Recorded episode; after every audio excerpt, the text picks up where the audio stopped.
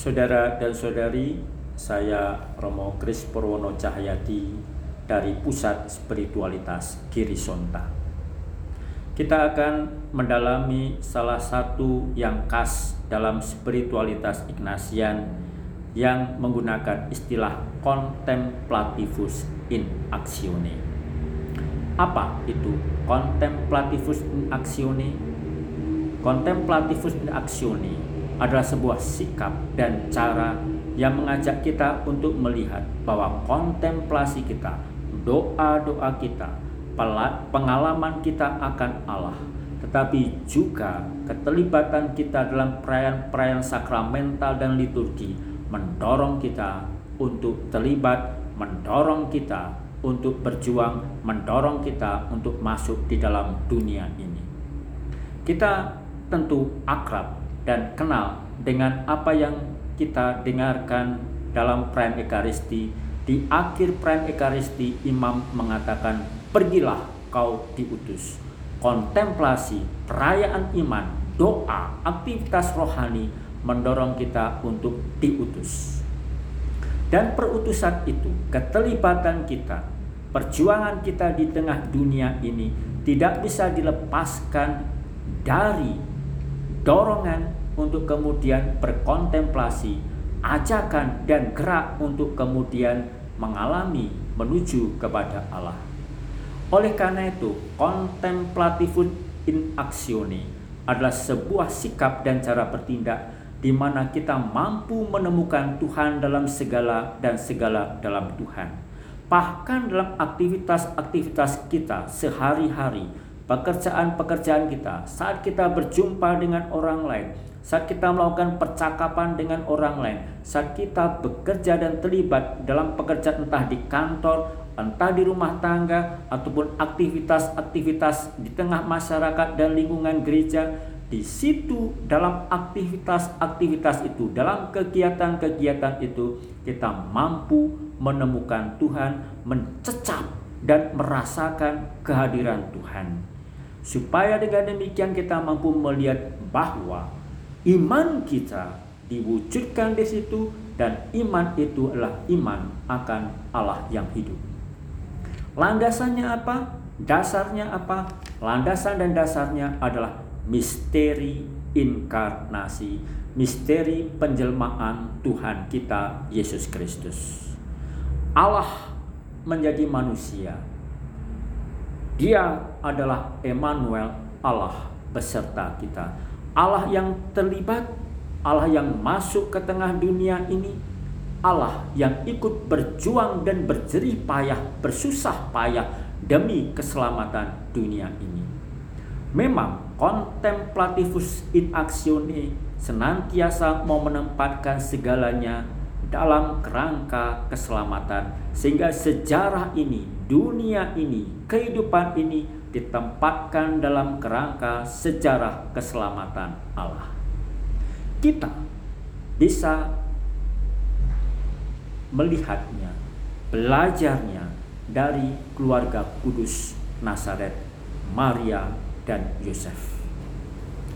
Mereka, Maria dan Yosef dipercaya oleh Allah untuk menjadi orang tua Yesus. Dan betapapun Yesus itu secara kasat mata bayi biasa, anak kecil biasa, manusia biasa, namun Maria dan Yosef mampu berkontemplasi melihat dalam diri Yesus itu Allah melihat dan memperlakukan, memandang dan menempatkan Yesus itu sebagai Tuhan. Sehingga hidup mereka, hidup Maria dan Yosef adalah hidup yang senantiasa terarah kepada Tuhan, senantiasa mau mengupayakan segalanya supaya segalanya itu merupakan ungkapan pujian bagi kemuliaan Allah. Memang Yesus adalah Allah menjadi manusia. Maka Maria dan Yosef mampu menemukan kealahan sekaligus keinsanian dalam diri Yesus. Tetapi mereka mencoba mewujudkan pengabdian kepada Allah itu kontemplasinya pandangannya, tatapannya akan Yesus sebagai Tuhan yang menjelma itu lewat aktivitas sehari-hari mereka. Yosef sebagai tukang kayu, Maria sebagai ibu rumah tangga dan mereka berjuang dan bergulat untuk menghidupi keluarga Nazaret, membesarkan mendidik Yesus karena itu adalah buah dari kontemplasinya, perjumpaannya akan Allah, tetapi juga buah dari kesadarannya bahwa hidupnya adalah berada dalam perutusan bagi pengabdian kepada Tuhan yang lebih besar. Dalam spiritualitas Ignatian lalu ada tiga aspek yang terpadu menjadi satu. Spiritu, korde, praktice. Spiritu, segala sesuatu itu ilahi. Maka Ignatius mengatakan bagi orang yang beriman tidak ada yang sama sekali profan, tidak ada yang sama sekali sekular. Dalam hal yang dianggap profan dan sekular itu di situ ada yang ilahi. Spirit, korde, melibatkan keseluruhan diri kita, jiwa kita, badan kita, aktivitas kita. Dan itu kesadaran akan Allah melibatkan seluruh diri kita, melibatkan seluruh hidup kita, dan praktisi semuanya diwujudkan dalam tindakan nyata perbuatan konkret. Oleh karena itu, kontemplatifus actionis sadar bahwa semuanya berasal darah berangkat dari pengalaman akan Allah, kontemplasi dan perjumpaan akan Tuhan Yesus Kristus. Dan semuanya itu diwujudkan lewat aktivitas seluruh diri kita, seluruh hidup kita dan dinyatakan secara konkret, diwujud nyatakan dalam tindakan-tindakan konkret hidup kita. Semuanya itu demi keselamatan Allah, semuanya itu demi pewujudan rencana kehendak Allah. Ada sebuah kisah. Ignatius bertanya kepada Lenes, salah satu pengikutnya, salah satu dari sepuluh Yesuit pertama.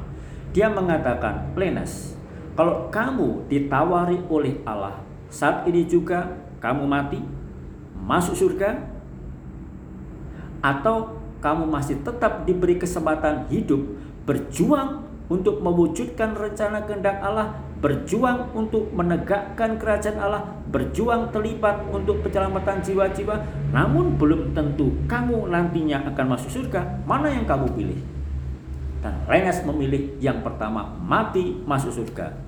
Ignatius mengatakan, saya memilih yang kedua membiarkan diri terlibat, berjuang, bekerja demi keselamatan jiwa, demi kerajaan Allah, demi kemuliaan yang lebih besar, betapapun mungkin gagal, mungkin salah, dan oleh karena itu mungkin nantinya tidak masuk surga, namun saya berani ambil resiko itu. Karena apa? Ignatius mengatakan, karena saya ikut serta dalam Allah yang menjelma menjadi manusia, Allah yang berjuang dan terlibat di dunia ini maka kontemplatifus ini mendorong kita berani ambil risiko, terlibat, mewujudkan kerajaan Allah, mewartakan kabar gembira, dan juga menyatakan kemudian Allah yang lebih besar.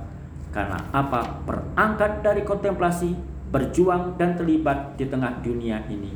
Sehingga kita tidak bisa memisahkan antara surga dan dunia, Allah dan manusia, rohani dan insani, profan dan ilahi semuanya terpadukan. Sebab apa? Hidup kita adalah tanda kemudian Allah yang lebih besar, sakramen keselamatan Allah. Salam AMDG.